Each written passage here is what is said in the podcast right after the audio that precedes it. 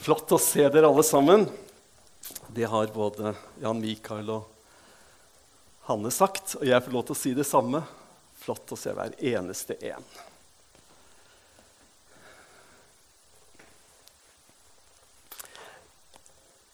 Jeg skal få lov til å dele tanker med dere denne formiddagen over temaet om at Jesus tilgir og helbreder den lamme mannen.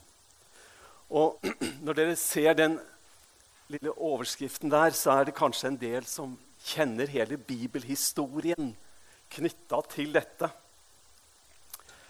Jeg har tenkt en del de siste dagene på denne bibelteksten og på en annen bibeltekst.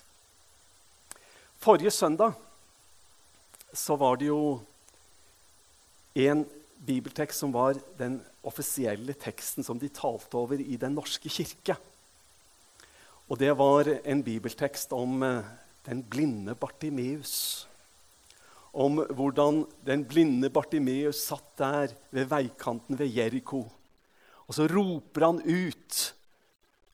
'Jesus, du Davids sønn, miskunne deg over meg.' Og så har man hele den fortellingen. Det var forrige søndag. Eh, og så er dette på en måte den bibelteksten som Den norske kirke har i dag. Men i forbindelse med teksten forrige søndag så var det forskjellige ting som jeg leste vedrørende den bibelteksten. Blant annet i avisen Dagen så var det en person som uttalte seg nettopp om denne bibelteksten med Bartimeus, den blinde tiggeren. Den sto på lørdagen for en drøy uke siden. Og eh, det var blinde Heidi Halvorsen som kom med en uttalelse. Og I avisa så sto det sånn Rømmer hvis presten taler om helbredelse. Og så står det videre at hvis blinde Heidi Halvorsen er i kirka når det prekes over Jesus og den blinde Bartimeus, da reiser hun seg og går. Og, og, en sånn overskrift som det får meg til å gjøre mange refleksjoner. Ja, Det har vært det jeg har tenkt mest på den uka som ligger bak, tror jeg. Og i forbindelse med det jeg ønska å dele med dere denne formiddagen. Altså, Hva er det som gjør at Heidi Halvorsen opplever det sånn? At hvis presten begynner å tale over den blinde Bartimeus, da reiser jeg meg, for da orker jeg ikke være der lenger. Dagen før, i avisen Dagen, så, så var det et intervju, det er et slags portrettintervju, med leder av UiO, altså Ungdom i oppdrag. Og eh, der står det om Andreas Nordli, som sier at han ber for syke litt på trass. Det var liksom overskriften i avisa om hvordan han opplevde dette. Han har vært leder av UiO i ca. ti år. Og eh, I portrettintervju så skriver han om mange ting som han har opplevd, og bønnesvar og Guds inngripen. Men den derre 'ber for syke litt på trass' du kan høre litt an, se her hva han sier. Selv om tvilen kan være der, ber han for syke. Litt sånn på trass, fordi Jesus sier at vi skal gjøre det. står det. Noen ganger opplever jeg at folk blir bedre når jeg ber for folk. Tenker jeg at jeg overlater sykdommen og den syke i Guds hender. Det er min teologi. Gud kan helbrede. Noen ganger med en gang, noen ganger over tid. Og i alle fall når vi kommer til himmelen. Så gjør jeg meg refleksjoner og tenker over hva, hva, hva er det som formidles til oss. Og så kjenner jeg sjøl for min del at jeg jo identifiserer meg veldig med, med, det som sies her. Og så ligger det som et lite bakteppe og så kommer dagens bibeltekst Nå pleier jo ikke jeg å følge disse, Den norske kirkes bibeltekster, men jeg gjør det nå i dag. Så ligger dagens bibeltekst her nesten som en oppfølging av det som skjedde med den blinde Bartimeus. Når, når han blir helbreda, når han ser, når han kommer løpende til Jesus, når han lar tiggerkappa ligge igjen, for den trenger han ikke lenger, så kommer han løpende til Jesus. Det er, det er liksom bakteppet. Og så kommer dagens fortelling om den krøplingen, den lamme mannen, som ikke var i stand til å gå, men som blir båret av fire venner, senka ned gjennom taket foran Jesus. Fortellingen om hvordan Jesus tilgir og helbreder den lamme mannen. Og det er en ufattelig spennende tekst. Jeg lurte på kunne vi ha lest den sammen. Og så lurte jeg på hadde det gått an å spurt om vi kunne stå opp. Jeg tar sjansen. Vi reiser oss, og så leser vi bibelteksten sammen. Så skal vi få lytte til hva Guds ord sier til oss. Noen dager senere kom Jesus igjen til Kapernaum, og det ble kjent at han var hjemme. Da samlet seg så mange at de fikk, ikke fikk plass, ikke engang utenfor døren. Mens han forkynte ordet for dem, kom de til ham med en som var lam. Det var fire mann som bar ham, men de kunne ikke komme fram til ham av trengselen. Derfor brøt de opp taket over stedet der han var, laget en åpning og firte ned båren med den lamme lå på.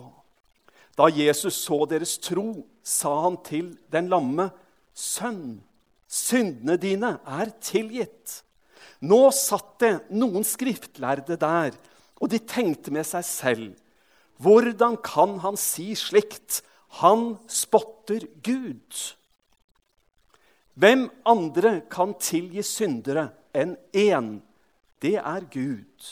Straks visste Jesus i sin ånd at de tenkte slik. Og han sa til dem, 'Hvorfor går dere med slike tanker i hjertet?' Hva er lettest å si til den lamme? 'Syndene dine er tilgitt.' Eller 'Stå opp, ta båren din og gå.' Men for at dere skal vite at menneskesønnen har makt på jorden til å tilgi synder. Og nå vender han seg til en lamme. Jeg sier deg, stå opp, ta båren din og gå hjem. Og mannen reiste seg, tok båren, straks båren og gikk ut rett for øynene på dem. Så alle ble ute av seg av undring. De priste Gud og sa, noe slikt har vi aldri sett. Amen. Vær så god og sitt ned. For en fortelling! Altså, tror du på dette, da, da tror du på merkelige ting. Jeg tror jo på det, og jeg tror på merkelige ting. At, at dette skjer. Og du vet, når jeg leser den teksten, så har jeg lyst til å stille et spørsmål.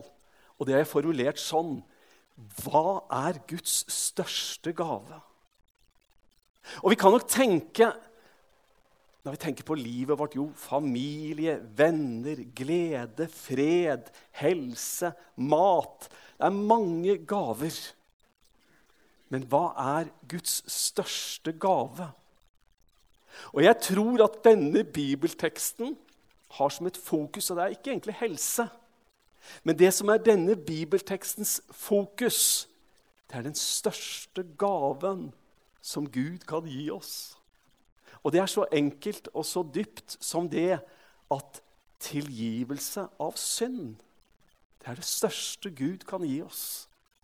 Syndernes tilgivelse Altså Både glede og fred og familie og venner og helse og mat og alt mulig greier er viktige ting, og vi får lov til å ta imot det med takk. Men hovedfokuset av denne bibelteksten det er tilgivelse av synd. Det står jo videre, ikke sant? Da Jesus så deres tro, sa han til den lamme, 'Sønn, syndene dine er tilgitt.' Hvilken proklamasjon! Hva slags understrekning av en realitet! Altså denne, altså Han var jo en syndig mann. Hvis ikke så hadde han jo ikke hatt noen synder og fått tilgitt. Så dette var ikke ja, sagt, det var ikke mors beste barn, men det kan jo være at han var. For vi er jo alle i samme båt, at vi er syndere. Men han, han er en synder i all sin gru. Og så blir han bare tilgitt.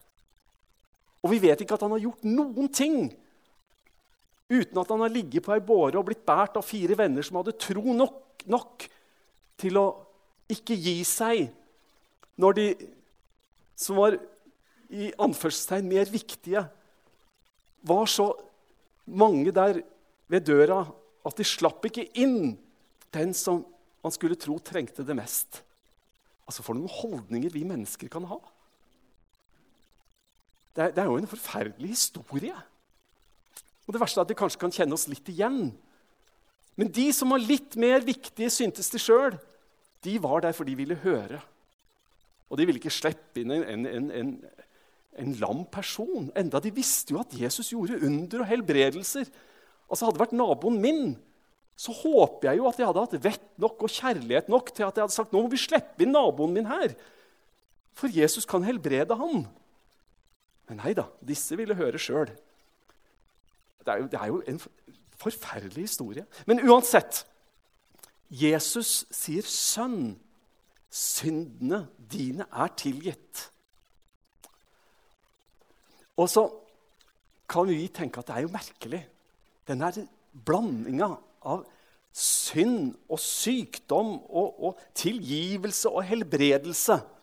Og så rører jo det ved noen av de vanskelige spørsmåla når det gjelder alt dette med helbredelse. For oss er dette veldig rart, i hvert fall for meg. Men samtidig, hvis vi prøver å tenke oss inn i, i den situasjonen de var i, og hvis vi ser andre bibelsteder, ikke minst i Det gamle testamentet, men også i Det nye, så ser vi at det var en sånn sammenblanding mellom det å tenke på sykdom som en konsekvens av personlig synd. Altså ikke bare syndefallet, men, men, den personlige synd som du og jeg måtte gjøre, kan få en konsekvens ved at vi blir syke selv. Og det, denne samrøret La, la, meg bare sitere fra Johannes evangelium kapittel 9. En nokså kjent fortelling hvor, hvor disiplene kommer og Det de egentlig spør om, er hvem har skylda. Fortellingen er jo sånn som dette. At da Jesus kom gående, så han en mann som var født blind.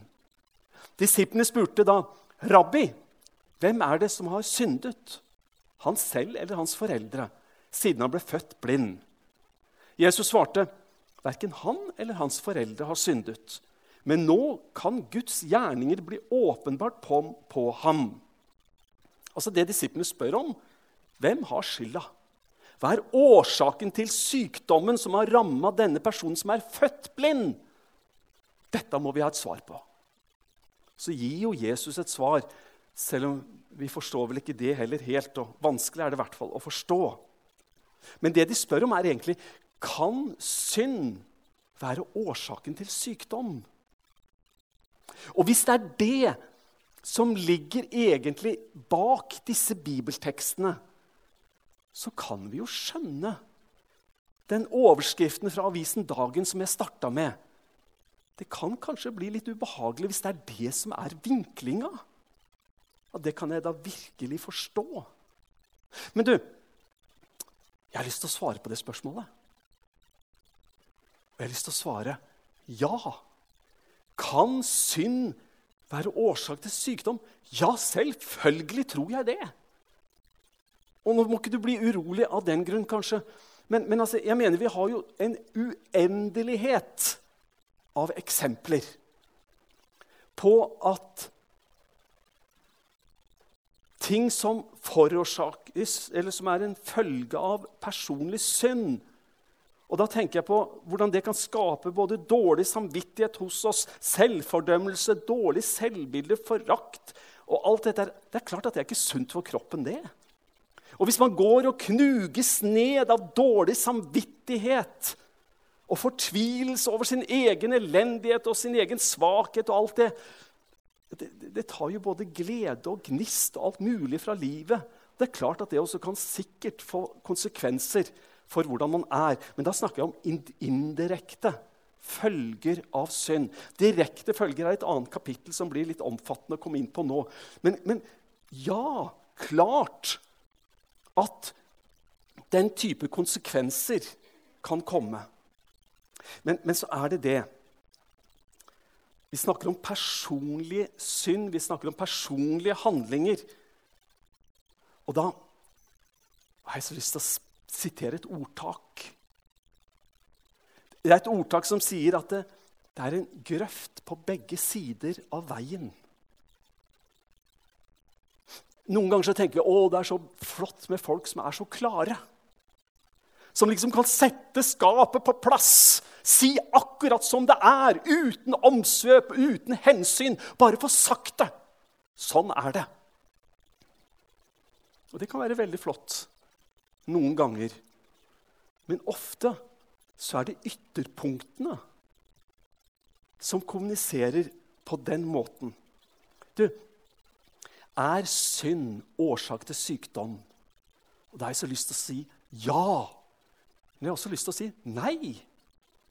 For det er helt avhengig av hva er det vi snakker om, og hvilken sammenheng er dette det sies. og hva, hva, hva, i det hele tatt er det vi snakker om? Og skal vi lage en generell regel? Altså Selvfølgelig tror jeg at ja, sykdom kan være en resultat av, av, av synd, men selvfølgelig unnskyld uttrykket, selvfølgelig så tror jeg ikke at all sykdom er et resultat av synd. Nei, selvfølgelig tror jeg ikke det. Så da blir det et både ja og nei. Eller er synden tilgitt allerede? Ja, selvfølgelig er den det. Den ble jo tilgitt på korset. Men selvfølgelig er den ikke tilgitt allerede, for du må komme. Så må du ta imot tilgivelsen, sånn at det blir en realitet for deg. Er Gud allerede forsona? Ja, selvfølgelig. Det var Gud som i Kristus forsona verden med seg selv for ca. 2000 år siden. Men samtidig nei, den er ikke det. Vi må ta imot det sånn at forsoningen blir en del av vår opplevelse.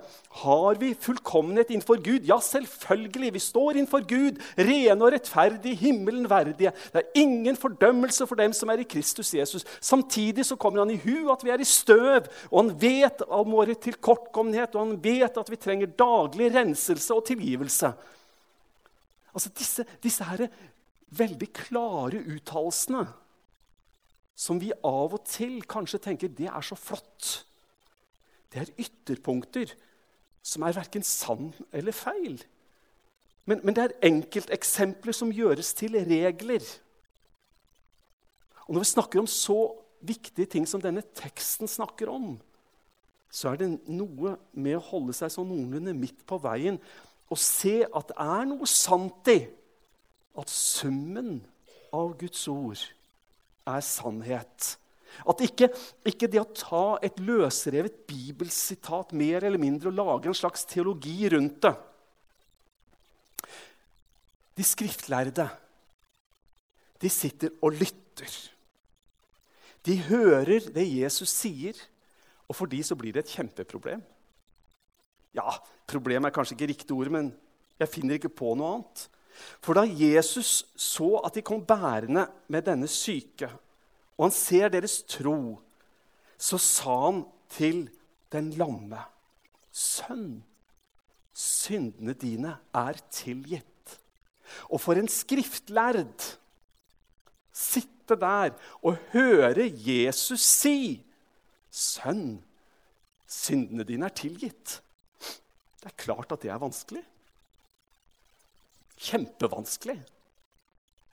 Og, og, det står jo sånn, ikke sant Nå satt det noen skriftlærde der, og de tenkte med seg selv Hvordan kan han si slikt? Og så konkluderer de. Han spotter Gud. Det er deres konklusjon. Og de er så tydelige, de er så klare. Det er blasfemi, det er å spotte Gud. For det er bare én som kan tilgi synd, og det er jo Gud. Jesus, det han gjør Han erklærer den syke og syndige mannen som heises ned der fra taket. Jesus tar og erklærer han tilgitt. Altså, Jesus erklærer han syndfri. Altså at synden er tatt bort. Det er litt av en erklæring. Og han har ikke gjort noen ting som fortjener det. Ikke en ting. Og Jesus bare erklærer Sønn, din synd, eller syndene dine, er tilgitt. Og du vet De skriftlærere konkluderer med at han spotter Gud. Og eh, hadde vi lest fra 1930-oversettelsen, så, så, så ville vi ha lest om at dette er en vederstyggelighet. Det er, det er forferdelige ting, det som skjer. Det er avskyelig for Gud. Og det som er avskyelig for Gud og en vederstyggelighet, det er å bekjenne og erkjenne at en skyldig er skyldfri. Det er en vederstyggelighet. Det er en avskyelig handling. Bare se hvordan det uttrykkes i ordspråkene. Å frikjenne en skyldig eller å dømme en som har rett. Herren avskyr begge deler. Og dette De kunne jo sin bibel, ikke sant? de kunne jo Det gamle testamentet. De visste at det å stå der og si at denne syndige, syke mannen er skyldfri, syndfri, det er en vederstyggelighet. Det er, det er noe som Herren avskyr. Det er Guds bespottelse. Det var jo så klart som dagen. Så klart som dagen. Vi er i det andre kapittelet av Markus' evangelium. Allerede i det andre kapittelet. Vi leste sammen vers 1-12. Kapittelet før hva, hva, hva, er det som skjer der? Mange ting. Når vi leser dette kapittelet, så leser vi om, om hvordan Jesus viser at han er herre over åndsmakter. Bare se her, vers 24 i første kapittel. Hva vil du oss, Jesus fra Nasaret? Er du kommet for å ødelegge oss? Jeg vet hvem du er, Guds hellige. Men Jesus truet ånden og sa, Ti stille, og far ut av ham. Altså, det demonstreres hvordan Jesus har autoritet over onde åndsmakter. Og Så leser vi videre om sykdom, og det er i vers 29. Da de forlot synagogen, gikk de rett hjem til Simon og Andreas. Jakob og Johannes fulgte med. Her lå Simons svigermor til sengs med feber, og de fortalte det straks til Jesus. Han gikk bort til henne, grep henne i hånden og reiste henne opp. Feberen slapp henne, og hun stelte for dem. Altså, etter å ha et Markus har da tatt, tatt, hendelser og vist at Jesus er herre over åndsmakter. Så tar han nå og viser hvordan Jesus er herre over helse, over sykdom, og hvordan han helbreder Peters svigermor. Og Markus beskriver hvordan hele Kapernaum kommer til Jesus her i vers 32. Da det ble kveld og solen var gått ned, brakte de til ham alle som var syke eller hadde onde ånder. Hele byen var samlet utenfor døren. Han helbredet mange som led av forskjellige sykdommer, og drev ut mange onde ånder. Så Markus på en måte etablerer et regime og lar sine lesere i det første kapitlet forstå han er herre over alle åndsmakter, og han er herre over all sykdom. Et eksempel til om hvordan Jesus møter en spedalsk i vers 40. fremdeles der i kapittel 1, ikke sant? En mann som var spedalsk, kom til ham, falt på kne og ba, ham, ba om hjelp. Om du vil, kan du gjøre meg ren.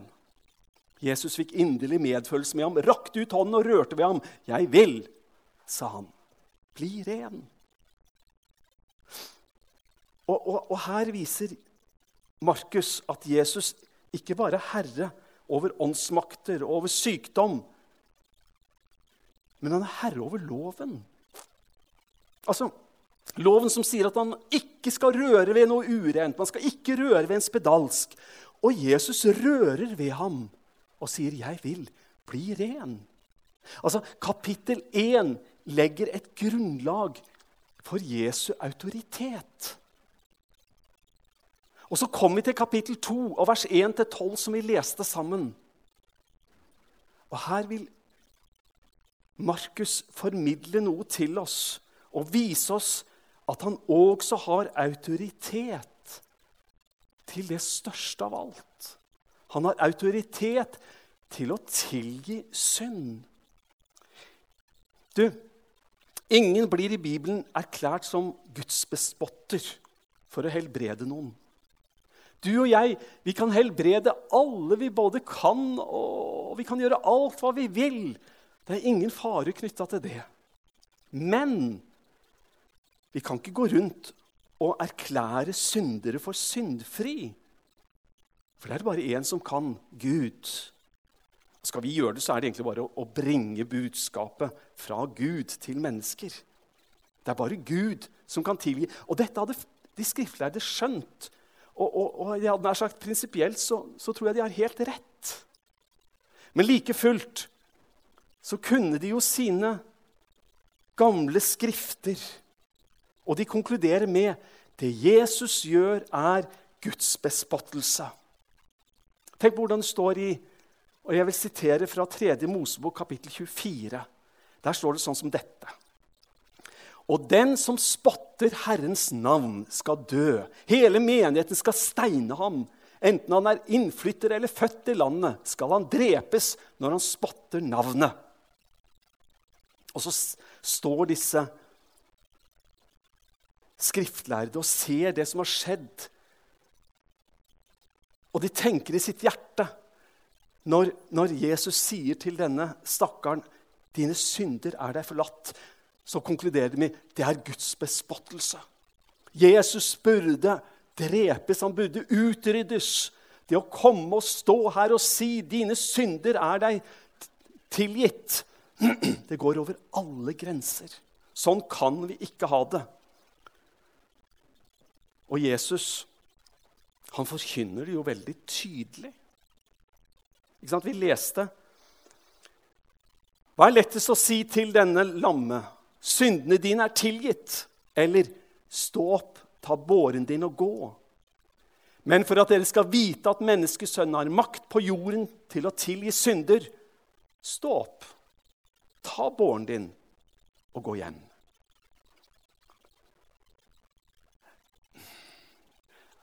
Vet du hva? I anførselstegn, Det er lett å si 'synden din er tilgitt'. Det er ikke så lett å kontrollere, liksom.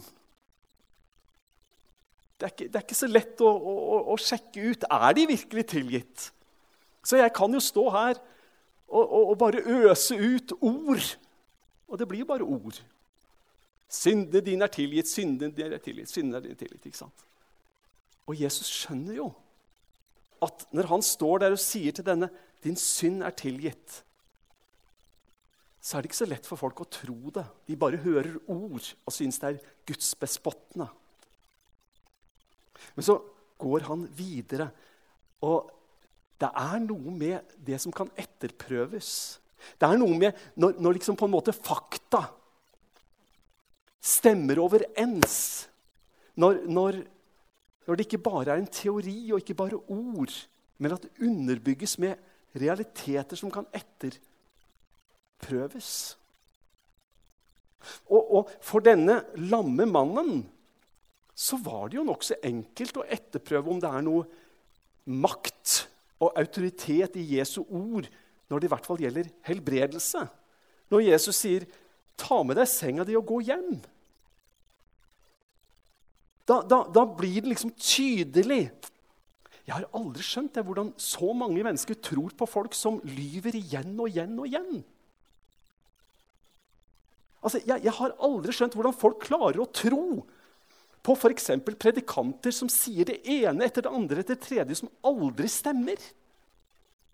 Som rett og slett ikke er sant. Men like fullt er det så mange som tror på det igjen og igjen og igjen. Det er for meg et mysterium. Men når det gjaldt Jesus, så var det nokså tydelig at når han sa noe, så var det på en måte en sammenheng mellom det han sa, og realitetene som skjedde.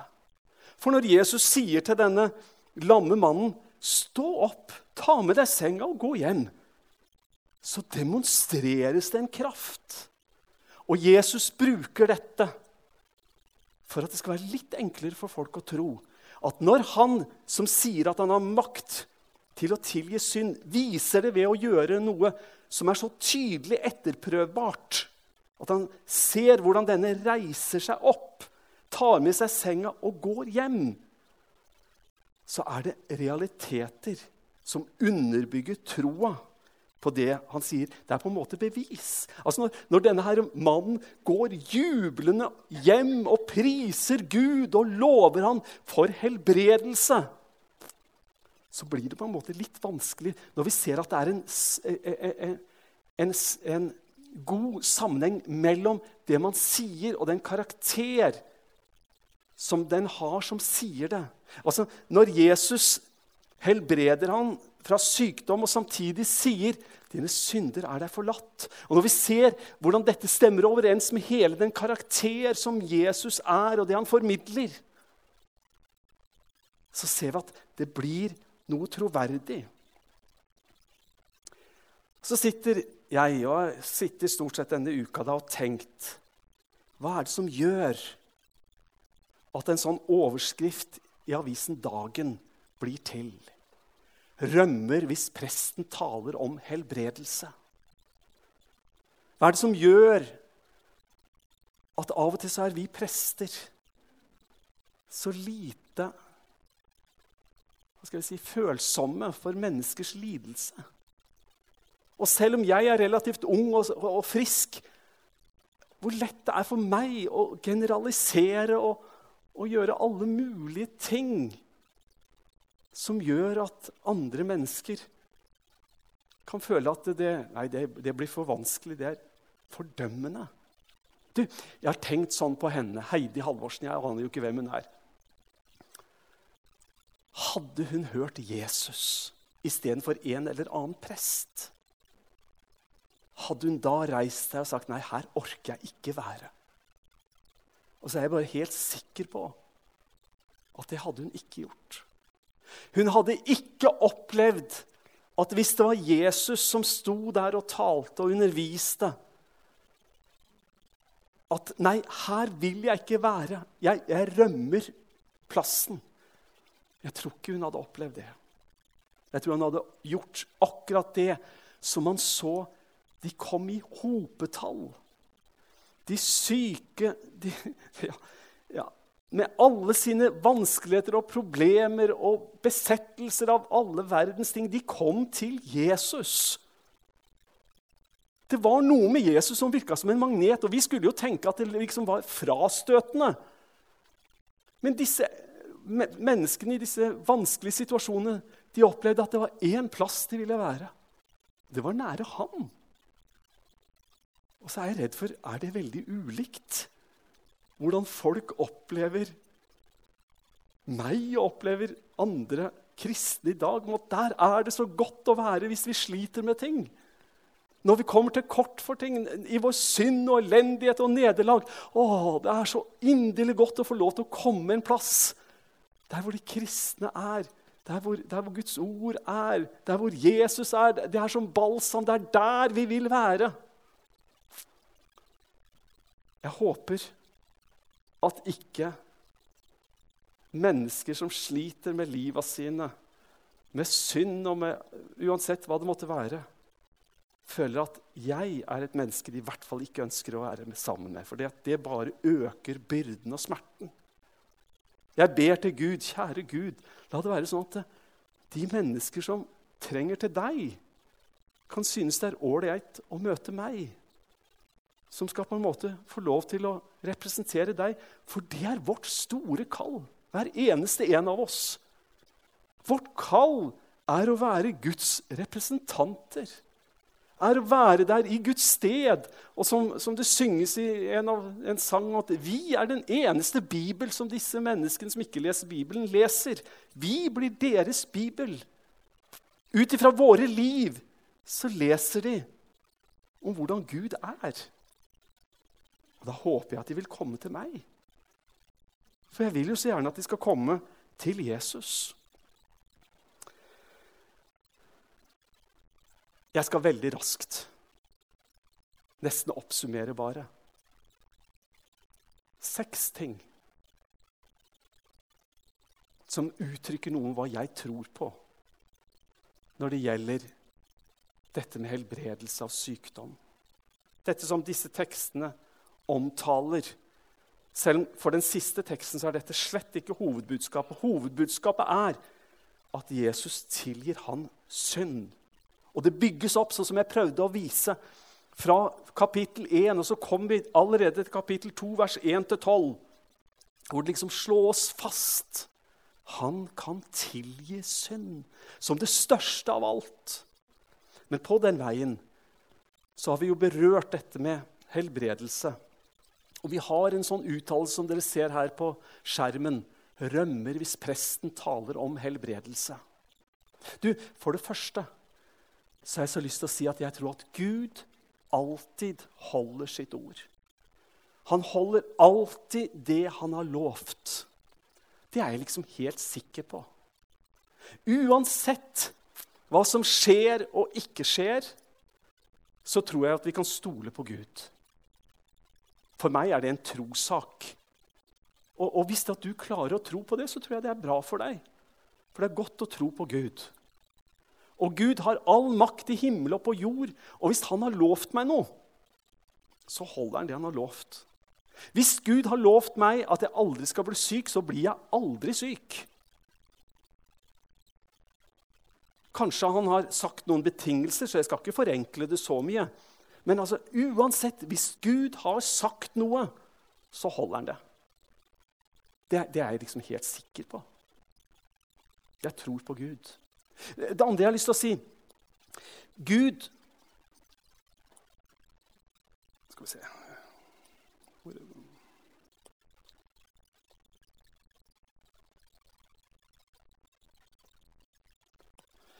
Gud har lovt oss en tilværelse uten sykdom, lidelse og død. Det tror jeg også på. Jeg er helt overbevist om at uh, en dag skal det ikke være noe sykdom, ingen lidelse, ingen død lenger. Og da snakker jeg jo om evighetstilstanden. Jeg snakker litt om det som UiO-lederen skrev i det sitatet som vi hadde helt i begynnelsen, om at noen ganger helbreder Gud øyeblikkelig, noen ganger går det over tid, men i alle fall én dag skal det ikke være mer sykdom eller lidelse og død. Det tror jeg på hele meg. Og, og jeg, jeg, kjenner på en måte Jeg trenger ikke ta meg sammen for å tro på det engang.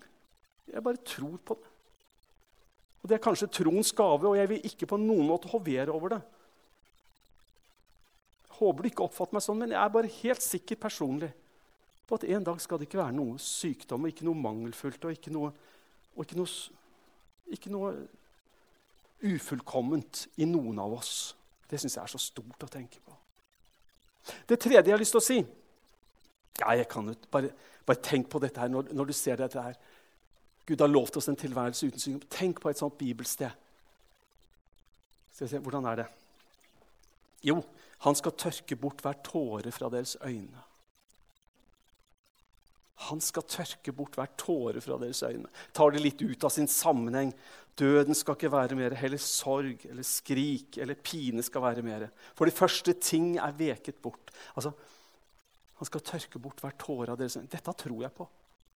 Altså, Kanskje ikke bokstavelig i den forstand at han skal tørke bort tårene, sånn sett, men poenget er en dag skal det ikke være noe sorg lenger. Ingen tårer, ingen sorg, ingen lidelse. Jesus kommer til å gjøre slutt på det. Det tredje jeg, jeg tror på, jeg må få si det Golgata er eneste grunnlaget for helbredelse. Altså, Jeg tror på helbredelse i forsoningen, men med min egen tolkning. I den forstand at Jeg tror ikke at det betyr at vi på samme måte kan ta imot helbredelse som tilgivelse her og nå. Det er et helt annet aspekt. Men jeg tror at alt godt kommer ifra at Jesus ropte 'Det er fullbrakt'. Jeg tror det skjedde noe den fredagskvelden. Jeg tror på helbredelse i forsoningsverket. Men ikke slik som enkelte fortolker det, som jeg synes er nokså fjernt fra hvordan jeg oppfatter den undervisninga. Jeg har lyst til å si at eh, jeg tror faktisk at på jorda mens vi er her, så opplever vi sykdom og død. Og alt annet er fornektelse av realiteter, syns jeg. Det rammer både rettferdige og urettferdige. Og det er spørsmål som ikke vi kan forklare og ikke, ikke late som vi forstår engang. Paulus skriver ikke bare det, men også vi som har fått Ånden, den første frukt av den kommende høst. Vi sukker med oss selv og lengter etter en dag da vårt legeme blir fridd ut, og vi blir Guds barn helt og fullt. Paulus taler om forgjengelighet. Det rammer oss alle.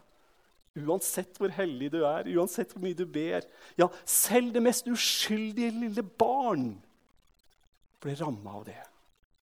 Det mest skyldfrie som jeg kan tenke meg.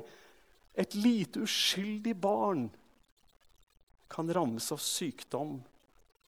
Og så kan vi gjøre som disiplene og si 'Hvem har skylda?' Og så syns jeg det blir så uverdig i det hele tatt å tenke og stille spørsmålet. Du, jeg har lyst til å si vi oppfordres til å be om helbredelse. Vi skal gjøre det med frimodighet. Og Jeg syns det er et sånt privilegium å få lov til å be for mennesker. Av og til kommer det folk til meg og sier, 'Vil du be for meg?' Og så får jeg lov til å si, 'Ja, det vil jeg'. Jeg får lov til å be for mennesker som er syke, og be om helbredelse, be om legedom, be om at sykdommen skal vike. Og vi blir bedt og blir oppfordra til å komme til Herren med alle ting. Komme til Herren når vi er syke, og be om helbredelse. Jeg har lyst til å si jeg tror aldri helbredelse er en slags belønning for lange og mange bønner eller for et hellig og flott liv. Jeg tror helbredelse er nåd. Og ikke skjønner jeg hvorfor den blir helbredet, og den ikke blir det. Og Før så hadde jeg behov for å vite, men det har jeg gitt opp for lenge siden. Det ligger i Guds hender. Men vi får lov til å be, og vi oppfordres til å be. Og Det har vært fristende å bruke lang tid på hvert av disse, men det jeg prøvde å si, det var at Gud holder alltid sitt ord. Gud har lovt oss en tilværelse uten sykdom, lidelse og død. Golgat er eneste grunnlaget for helbredelse, og på jorden opplever vi sykdom og død. Vi oppfordres til å be om helbredelse, og helbredelse er aldri en belønning. Så vil jeg helt til slutt tillate meg å gi oss tre gode råd. Og det er for det første Tro på det Jesus sa, og ta imot tilgivelse. Vær ikke bekymra for noe, men legg alt du har på hjertet, framfor Gud. Be og kall på ham med takk. Og det tredje la Guds fred være i deg og ikke slutt å be. Og De tre enkle tingene det er jo inspirert fra Filippenserne kapittel 4. Om at vi får komme til Gud med alle ting. Men du, tro på Jesus og ta imot tilgivelse. Tenk så deilig. Og her får jeg stå i dag. Og jeg kan si at jeg, jeg, jeg tror jeg tilgitt. Jeg bærer ikke på noen syndebyrder.